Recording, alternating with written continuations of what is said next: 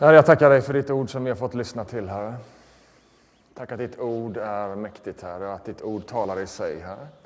Tack att ditt ord redan har börjat tala till våra hjärtan, Herre. Om sanningar om dig och vem du är. Jag ber att till den här predikan, här att du ska med din heliga Ande hålla mig i ditt grepp. Så att det som jag förkunnar är ditt ord. Det som jag förkunnar är ett budskap inspirerat av dig. Och jag ber också för den som sitter här inne och lyssnar idag. Här. Att din heliga Ande ska verka på deras hjärtan, här. Så att ordet får gå in och bära frukt. Bli till liv. Sanning och verklighet i var och ens liv. I Jesu namn. Amen. Gott att se er här denna ljuvliga söndag. Skapar att tillbe. Den nya serien som vi går in här under fem veckor där vi ska utforska och ge ett fördjupat perspektiv förhoppningsvis på vad lovsång är för någonting. Skapar att tillbe. I kyrkans värld så har, jag vet inte om du har rört i kyrkans värld, så under lång tid så har du märkt att lovsång är ett begrepp som liksom har vunnit mycket mark. Lovsång är ett begrepp som liksom, eh, under de 20, kanske 20-30 senaste åren har på något sätt liksom bara fått en, ett enormt genomslag. Liksom, det, är en, det är en hel industri med lovsångsmusik. Och liksom, lovsång eh, det är liksom en jättegrej och det är något som har liksom hänt under de senaste 20-30 åren skulle jag vilja säga i, i liksom den, den, globala kyrkan. Inte på så sätt att lovsång är någonting nytt. Lovsång är verkligen ingenting nytt. Utan lovsång är ett bibliskt begrepp och Guds folk har alltid varit ett lovsjungande folk. Men lovsång, så som det ofta definieras idag, det är liksom någon form av musikstil. Man kan nästan liksom bara utan att höra texten säga att ja, det här är lovsång. Man liksom bara känner att ja, det, är liksom, ja, det är på något sätt, eh, vi skiljer på musik och på musik och på lovsång. Liksom. Det, det är liksom en, en, en, egen genre på något sätt. Och det menar jag, det är ett sätt att se på lovsång som har formats under de senaste sådär, kanske 20 åren. Eh, och på något sätt vill vi i denna serie, Skapare att tillbe, där vi ska tala om lovsång, så vill vi argumentera för och vi vill inspirera till att lovsång inte är begränsat till en viss musikstil. Ja, som vi ska prata om idag, så kanske det knappt ens behöver ha med musik att göra. Lovsång är inte ens begränsat till musik som sådant, utan att sann lovsång faktiskt kanske inte ens börjar i musik, utan det börjar i ditt och mitt liv. Lovsång är att leva sina liv riktade mot Guds ära. Att leva sitt liv på ett sådant sätt så att mitt liv ärar och upphöjer min skapare. Skapad att tillbe.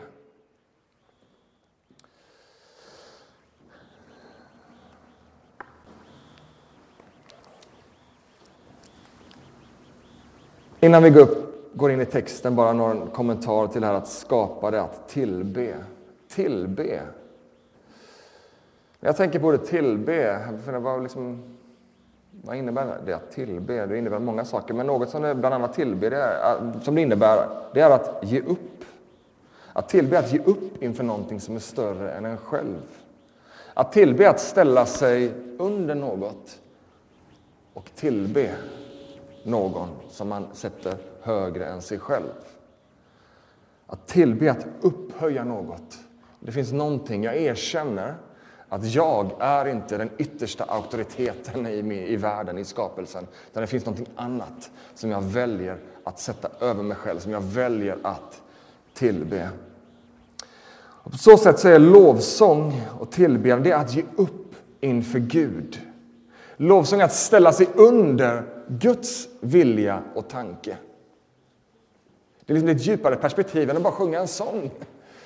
Lovsång är att ställa sig under Guds vilja, Guds perspektiv, Guds tankar.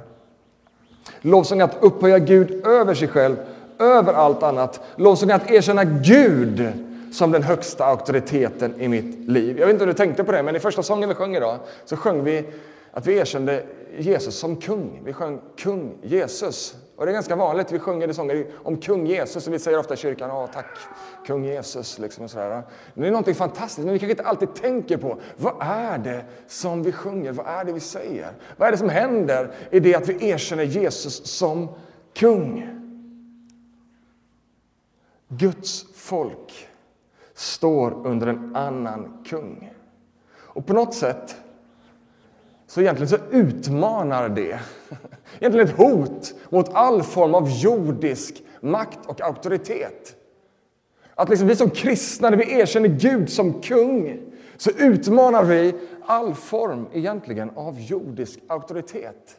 Därför att vi säger att det finns någon annan som är viktigare för mig. Det finns någon annan som jag lyssnar på först. Så ni vet att när, när apostlarna dras inför Stora rådet i Jerusalem så säger de till, till, till, till myndigheterna, man kan kalla den tidens myndigheter, döm själva! Är det rätt att lyssna till människor eller är det mer rätt att lyssna till Gud? De hade en annan kung. De hade satt någon annan över sig själv, någon annan över allt annat skapat, nämligen Gud själv. Och jag vill bara säga att det här är vad ett liv i lovsång handlar om. Visst, det har med sång att göra. Men ytterst sett är det att erkänna kung Jesus. Att leva ett liv som ger honom ära, där han har yttersta auktoriteten. Då tillber vi honom. Det är ett liv i tillbedjan. Då erkänner vi att vi är skapade att tillbe. Sången har sin definitiva plats, men lovsång börjar i ett liv till Guds ära.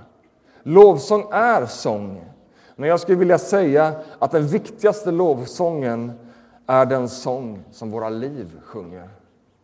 Det är den viktigaste lovsången som du någonsin kommer sjunga. Det är ditt liv. Sen är det underbart när det liksom kommer ut i våra läppar och liksom det blir till toner för att upphöja vår skapare. Men det är kopplat också till hela våra liv. Och det är också här i denna utgångspunkt som dagens båda texter rör sig. Och jag ska primärt tala om den kortaste texten idag, två verser från Romarbrevet kapitel 12 och vers 1 till 2. Därför uppmanar jag er syskon vid Guds barmhärtighet att ge era kroppar som ett levande och heligt offer till Gud, till hans behag. Detta ska vara er andliga gudstjänst, eller detta ska vara er lovsång, som man också kan översätta det med. Anpassa er inte efter denna världen, utan ändra ert sätt att tänka så att ert sinne förnyas. Då ska ni förstå vad Gud vill, vad som är rätt och vad som gläder honom och vad som är fullkomligt. Min första punkt i dagens predikan är, heter Därför. Därför.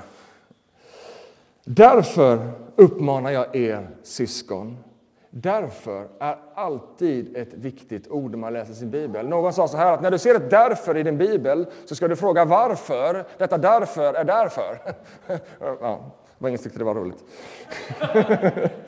Men det är faktiskt en poäng att därför är, har nästan alltid spelat en central roll i liksom att förstå vad texten handlar om. Därför är ett ord som inleder ett argument. Därför, alltså baserat på det jag nu redan har sagt så menar jag nu. Därför.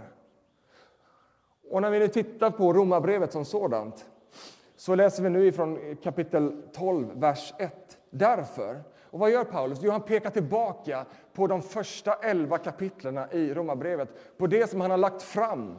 Och Det är ganska tydligt i Romarbrevet att första elva kapitlen så lägger Paulus ut god teologi talar om liksom eh, människan som syndare och vårt behov av en frälsare. Och han talar om hur, Kristus, att hur, vi genom tron på Kristus blir rättfärdiga eh, inför honom. Inte genom gärningar, utan genom tro. Så Paulus har liksom under elva kapitel undervisat god teologi. Grunden för vår frälsning, att vi är rättfärdiga genom tro.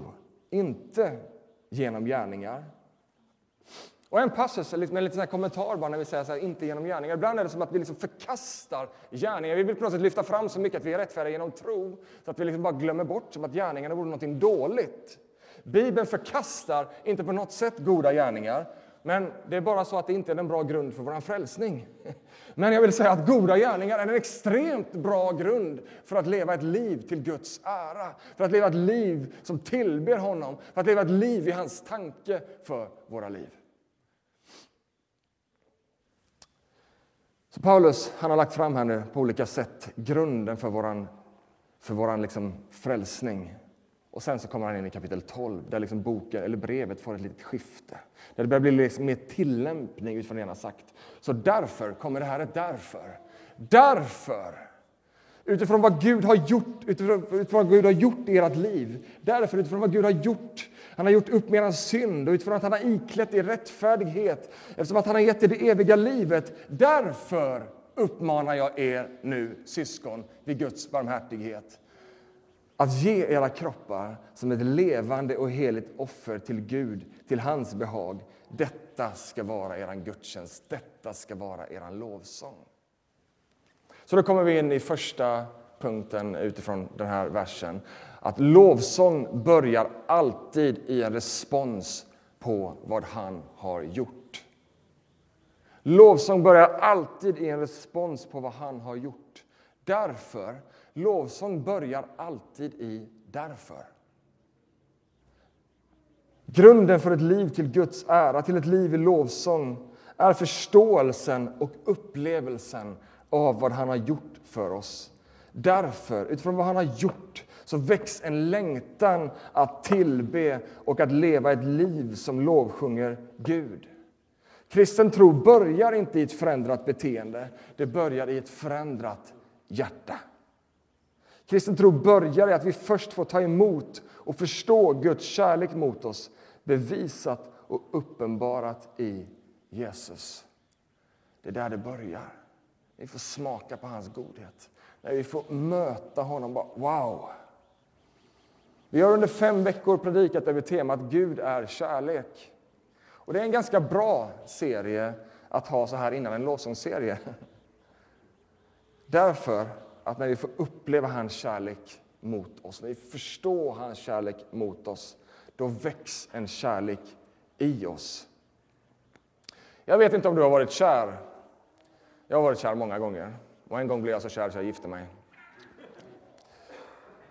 Och vad som händer när man blir kär, det, det händer ju mängder med saker. Man blir totalt irrationell på många sätt. men det finns något intressant, något fint med det där. För att när man liksom blir kär så liksom omkullkastas jättemånga av ens tidigare såna väldigt starka åsikter och premisser. Ja, men jag är en stadsmänniska, jag ska bo i staden hela livet. Och sen träffar man en hästtjej liksom, som vill bo på landet. Inga problem!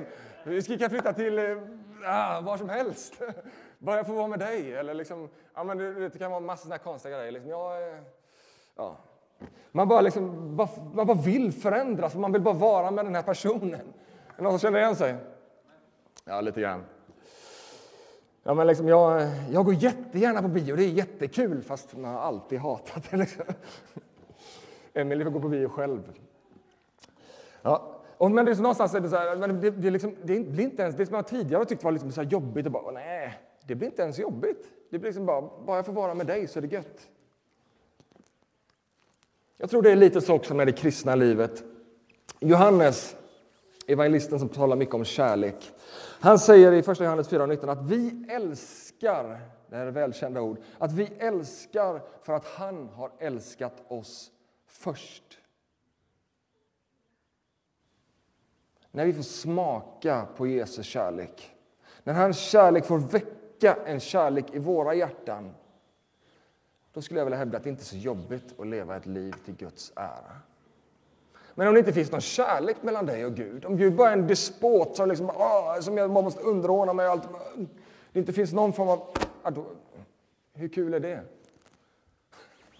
Men när vi fått smaka på hans kärlek, då blir hans bud inte tunga. Men om vi inte förstått Guds kärlek, om vi inte smakat på hans godhet, om inte kärlek har väckts i våra hjärtan till Jesus, då blir hans bud tunga, ja, på gränsen till obegripliga. Därför, därför, därför, därför börjar ett kristet liv. Därför börjar ett liv i lovsång. Därför börjar ett liv till Guds ära i förståelsen av Guds kärlek till oss. Men inte bara förståelsen, utan också upplevelsen upplevelsen av Guds kärlek. Det handlar om att den här kunskapen om vem Gud är, kunskapen om att han älskar mig, att den på något sätt får tillskrivas dig, att den får bli personlig, att du får känna att men det här är för mig. Han har dött för mig, han har uppstått för mig. Då får det bli en erfarenhet av Guds kärlek som blir för dig.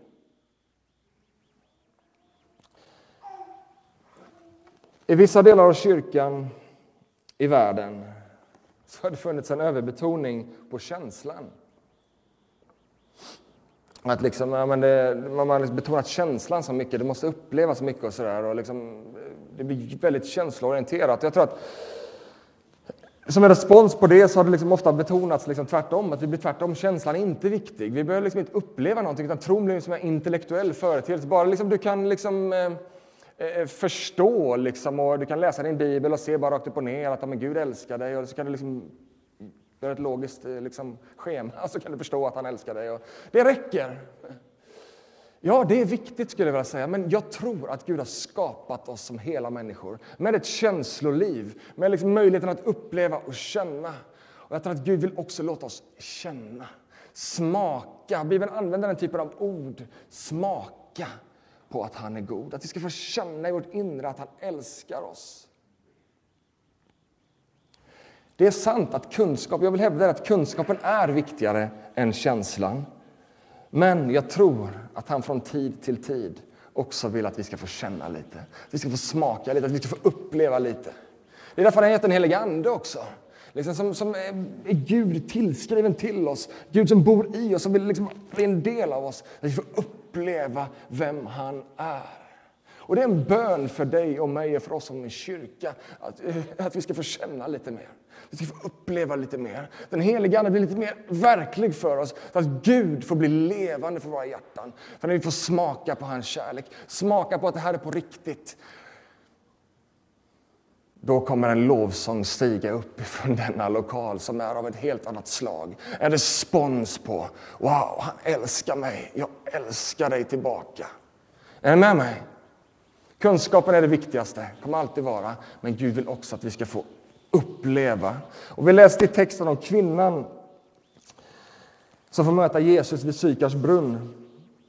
Och i Jesus samtal med henne så säger Jesus, men den tid kommer, ja, den har redan kommit, då sanna tillbedjare tillber Fadern i ande och sanning. För det är sådana tillbedjare Fadern söker. Den tiden kommer då sanna tillbedjare ska tillbe honom i ande och sanning. Det är sådana tillbedjare som Fadern söker. Vad är det för tillbedjare Fadern söker? Jo, tillbedjare som tillber i ande och i sanning. Det finns jättemycket som kan sägas i detta. Eh, och vad är det Jesus är ute efter? Men någonstans, ett grundläggande perspektiv är att tillbe sanning. Det är att tillbe utifrån det vi kan veta om Gud. Ni vet Romarbrevets 11 första kapitel. Om vad han har gjort för oss, det som kommer innan därför. Det vi kan veta om Gud. Det är att tillbe sanning, det vi kan förstå. Kunskapen om hans frälsning och kärlek. Tillbe sanning, och det är gott. Men vi ska också tillbe vad då? Ande. Det involverar någonting mer än vårt intellekt. Det involverar hela vårt inre, vårt hjärta, våra känslor, det som finns här inne. Där inne där Gud talar till oss på vår insida. Där inne där vi får smaka på hans godhet, där vi får uppleva och känna. Där Gud bekräftar sanningen så att den inte bara blir en huvudkunskap utan det blir något som tillskrivs oss. Wow! Och Jesus har precis talat med kvinnan om det levande vattnet. Det är något som är levande, något som pålar och blir en källa på insidan, något som blir levande i oss. Lovsång, sanna tillbedjare tillbe ande och sanning. Lovsång innefattar både den yttre bekräftelsen, kunskapen om Gud och den inre bekräftelsen, upplevelsen av Gud. Det här är ett liv som vi bjuds in att leva där vi allt mer förstår mer om Gud, vem han är och hans tankar med skapelsen.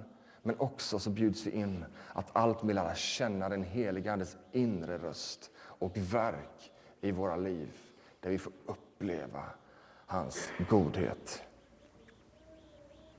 Jag tror också att det är så när vi tillber och lovsjunger med sång och musik, sanning och ande. Vi lovsjunger om det vi vet om Gud. Men det är också i vår lovsång. Jag tror att det är inte bara så att vi har lovsång för att det är kul med lite musik i våra gudstjänster. Utan lovsång är en form av bön. Lovsång är någonting där vi upphöjer Gud, där vi tillber Gud. Och där verkar han. Vi sjunger om det vi vet om Gud.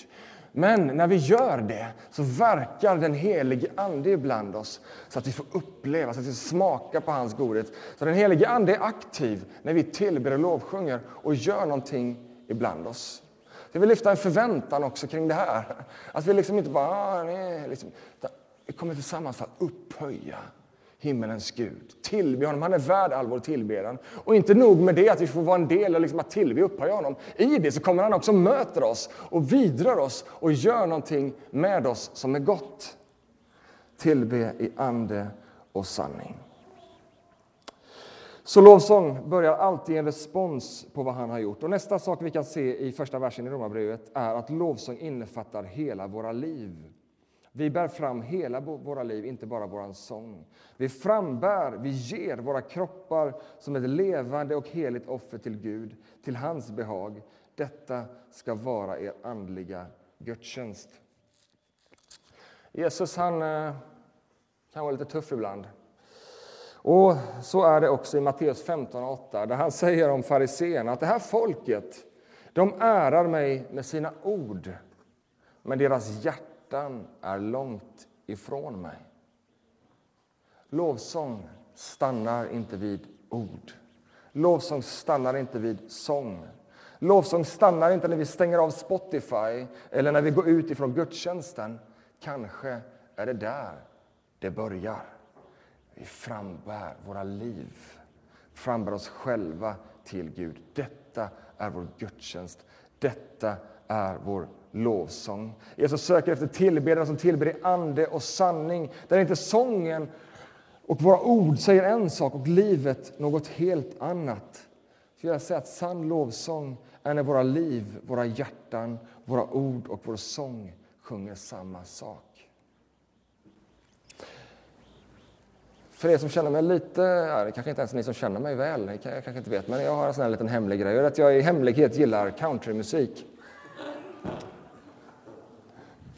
Är det någon mer som liksom har eh, upptäckt underbart?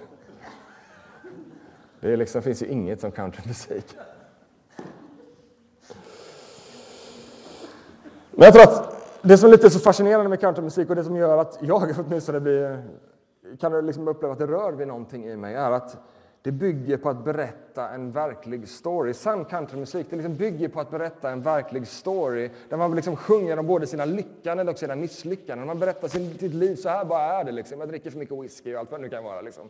Man bara, så här är det. Och sen finns det en massa fake country. Liksom man har märkt att folk gillar country, så man börjar liksom hitta på en massa texter och så börjar man så här, och så bara förloras hela grejen. Vad är grejen? Det, liksom, det låter som country, men det saknar helt själ.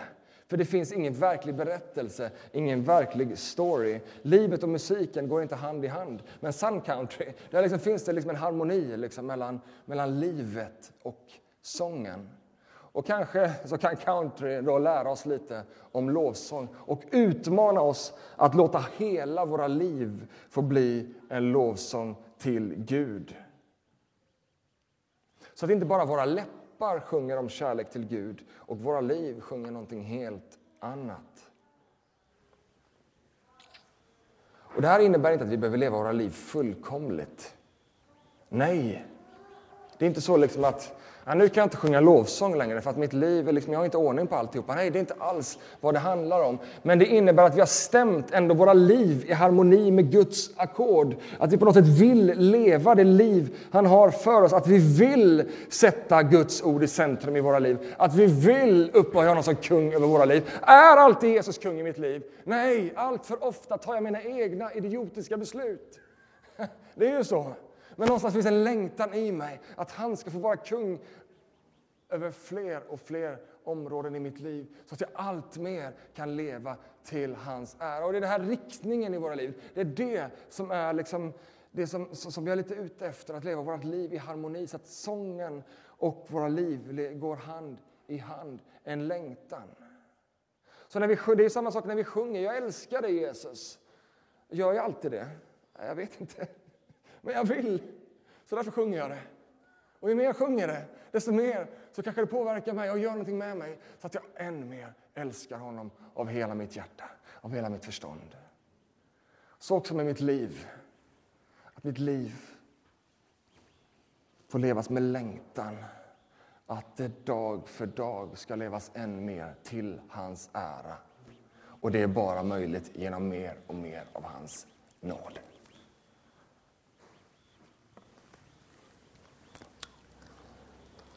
Så att leva ett lovsjungande liv, det är liksom inte att komma till Gud och visa upp ett perfekt liv. Sen kan jag börja sjunga min sång. Nej, det är att leva ett liv på ett sånt sätt där hela våra liv ges till Gud. Precis som i countrymusiken. Våra lyckanden och våra misslyckanden. Vi bär fram alltihopa inför Gud. Vi frambär oss själva som ett levande offer. Herre, så här är det. Tack att du tar emot mig. Nu vill jag tillbe dig. Därför är det så, jag tycker det är så vackert med syndabekännelsen som vi har i början av våra gudstjänster. Därför att man kan komma ibland till en gudstjänst och känna liksom, hur ska, liksom, åh, jag, kan, jag kan inte komma inför Gud, jag kan liksom inte, inte liksom tillbe honom så som det, åh, min vecka har varit sån här. Och gjorde, men, åh. men då kommer syndabekännelsen där direkt i början av gudstjänsten. För att påminna oss om, just det, jag är förlåten. Jag är välkommen. Det är inte så att du inte var förlåten innan, därför att har du tagit emot Kristus så är du förlåten. Och därför vill vi bli påminda om att vi är förlåtna. Så därför kan vi alltid bara komma inför Gud och tillbe honom och ära honom med hela våra liv. Med våra lyckanden, med våra misslyckanden. Och det får bli en verklig country-lovsång, med mig? När vi bara tillber Gud precis så som, med, med precis liksom bara framför allt. Så här är det här. Tack att du tar emot mig. Nu får jag lämna det här countryspåret här. Sista punkten, låt er förnyas. Och det är ifrån vers 2, där Paulus fortsätter att bekräfta att sann lovsång är att leva ett liv i Guds tanke för oss. Anpassa er inte efter denna världen, utan ändra ert sätt att tänka så att ert sinne förnyas. Då ska ni förstå vad Gud vill, vad som är rätt och vad som gläder honom och vad som är fullkomligt.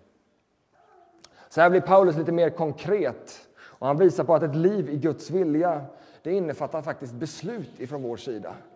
Ibland kan man få för sig liksom att, att, att, det här liksom att leva ett liv liksom som är heligt, leva ett liv till Guds ära, det är något som ska trilla ner från himmelen. Liksom, som att ja, men det bara händer.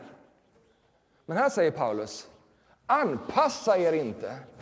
Är det något som trillar ner från himlen? Bara dumper en dag så bara, nu anpassar jag mig inte längre. Nej, det är liksom ett aktivt beslut från vår sida. Ett jag vill inte anpassa mig, jag vill leva på ett sätt där jag faktiskt inte anpassas efter den här världen. Jag väljer bort världens sätt att tänka och istället ändrar mitt tänkande så att det är i linje med Guds fullkomliga tanke för er. Det är vad Paulus säger. Först anpassa er inte och sen säger han utan ändra ert sätt att tänka. Att anpassa sig efter den här världen, då kan man tänka sig, är allt i den här världen dåligt? Nej, alltid nästan när Nya Testamentet talar om världen så talas det om världen såsom den fallna världen, såsom det som gör uppror mot Gud. Så vi låter oss inte anpassa oss utifrån det som liksom gör uppror mot Gud, det som inte stämmer med Guds ord. Det vill vi inte låta anpassa oss. Och det här skulle jag säga är ganska ut, jag tror det har varit utmanande i alla tider. Men det är kanske, kanske i synnerhet kan vi liksom trösta oss med. Jag vet inte. Men i den här tiden, det är så mycket som är uppror mot Gud. Så mycket som vi inte liksom, vi håller Bibeln här och sen håller vi dagstidningen här. Alltså bara, det är bara två helt olika världar. Men Gud kallar oss faktiskt till att ta det här på allvar. Att inte låta oss anpassa oss efter det där. Inte låta liksom bara jamsa med för att alla andra tycker så.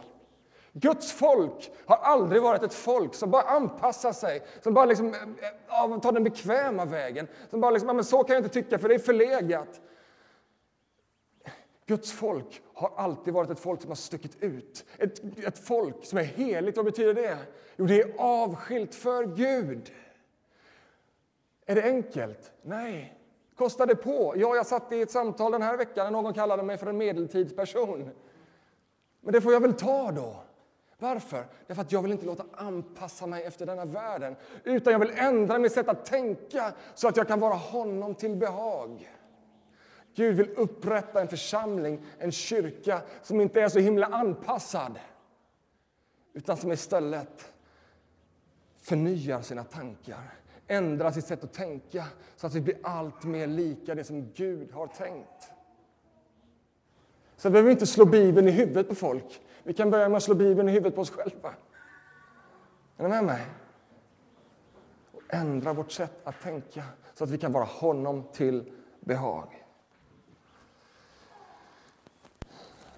Vi är inne i den här tiden i kyrkoåret som kallas för fastan. Det är de 40 dagarna som leder fram till påsk.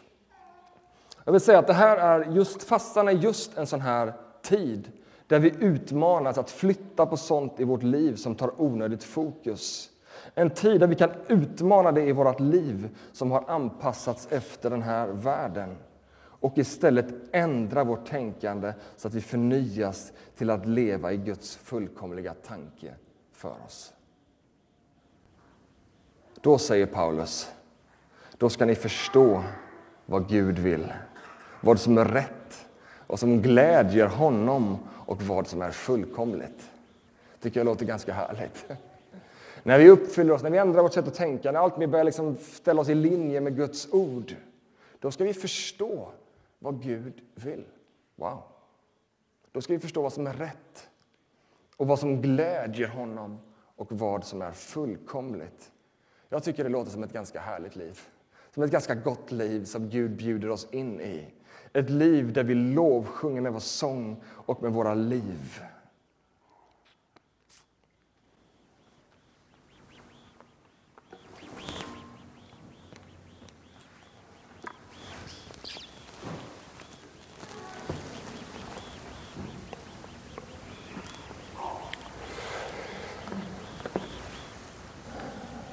Avslutningsvis, att sjunga lovsång tillsammans som kyrka, som församling, som troende i en smågrupp eller hur det nu är, är ett fantastiskt uttryck för en längtan att vilja leva sitt liv till Guds ära. Precis som jag sa i början av predikan så är det en plats där vi tillber tillsammans som Guds barn, kommer inför Gud och tillber honom. Då är det en plats där han vill möta oss. Där han vill förnya oss. Där han vill fylla oss med sina tankar och sitt liv. Bön och tillbedjan och lovsång är en plats där han väcker vår längtan, där han riktar våra hjärtan allt mer mot honom. Lovsång och tillbedjan är en plats där han möter oss med sin kärlek, där han fyller oss med sitt goda, där han talar till oss och där han formar oss. Jag vill lyfta bön och lovsång. Jag vill lyfta de delar av vår gudstjänst där vi kommer inför Gud och tillber honom. Det är en plats där han vill verka, där han vill tala till oss. Andra Korinthierbrevet 3.18 säger att vi alla som avtäckt, avtäckt ansikte skådar Herrens härlighet som i en spegel. Vi förvandlas till en och samma bild från härlighet till härlighet. Det sker genom Herren, Anden. I lovsången, det är en plats som Gud bjuder oss in. Vi bjuds in i hans närhet, att få möta honom, att få se mer av honom. Och där när vi får se mer av honom så förvandlas vi och vi formas att bli lika honom. Guds ande verkar med oss när vi kommer inför honom i tillbedjan. Så därför, som jag precis redan har sagt, så väntar vi inte med att lovsjunga tills våra liv är helt perfekta eller tills vi uppnått en viss standard. Nej, vi träder in för honom precis som vi är. Vi tar med oss våra lyckor och våra misslyckanden, allt som det är. Bara, Gud, jag vill leva till din ära, jag vill tillbe dig. Vi kastar oss på honom, vi upphöjer honom och vi ropar ut Gud, vi vill se dig, vi vill uppleva dig, vi älskar dig. Där, när vi med ett hängivet hjärta kastar oss in i tillbedjan för att upphöja kung Jesus, så möter han oss inte när vi kommer med någon sån här flaky bara, ah", liksom, och försöker hålla upp någonting inför Gud, men vi kommer som det är. Med vår verkliga story. Där verkar nåden. Där verkar anden. Där får vi förvandlas. När vi ser honom får vi förvandlas och bli allt mer lika honom. Så är vi skapade att leva våra liv. Vi är skapade att tillbe honom, vår skapare. Amen. Herre, jag tackar dig för ditt ord, Herre.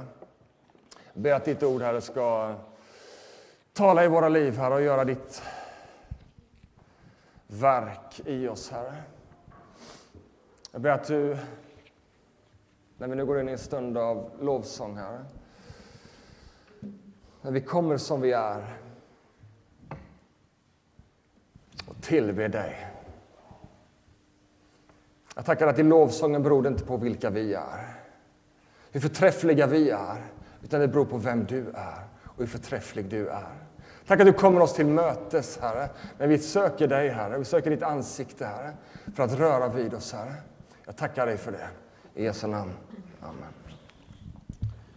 Nu tar vi tiden att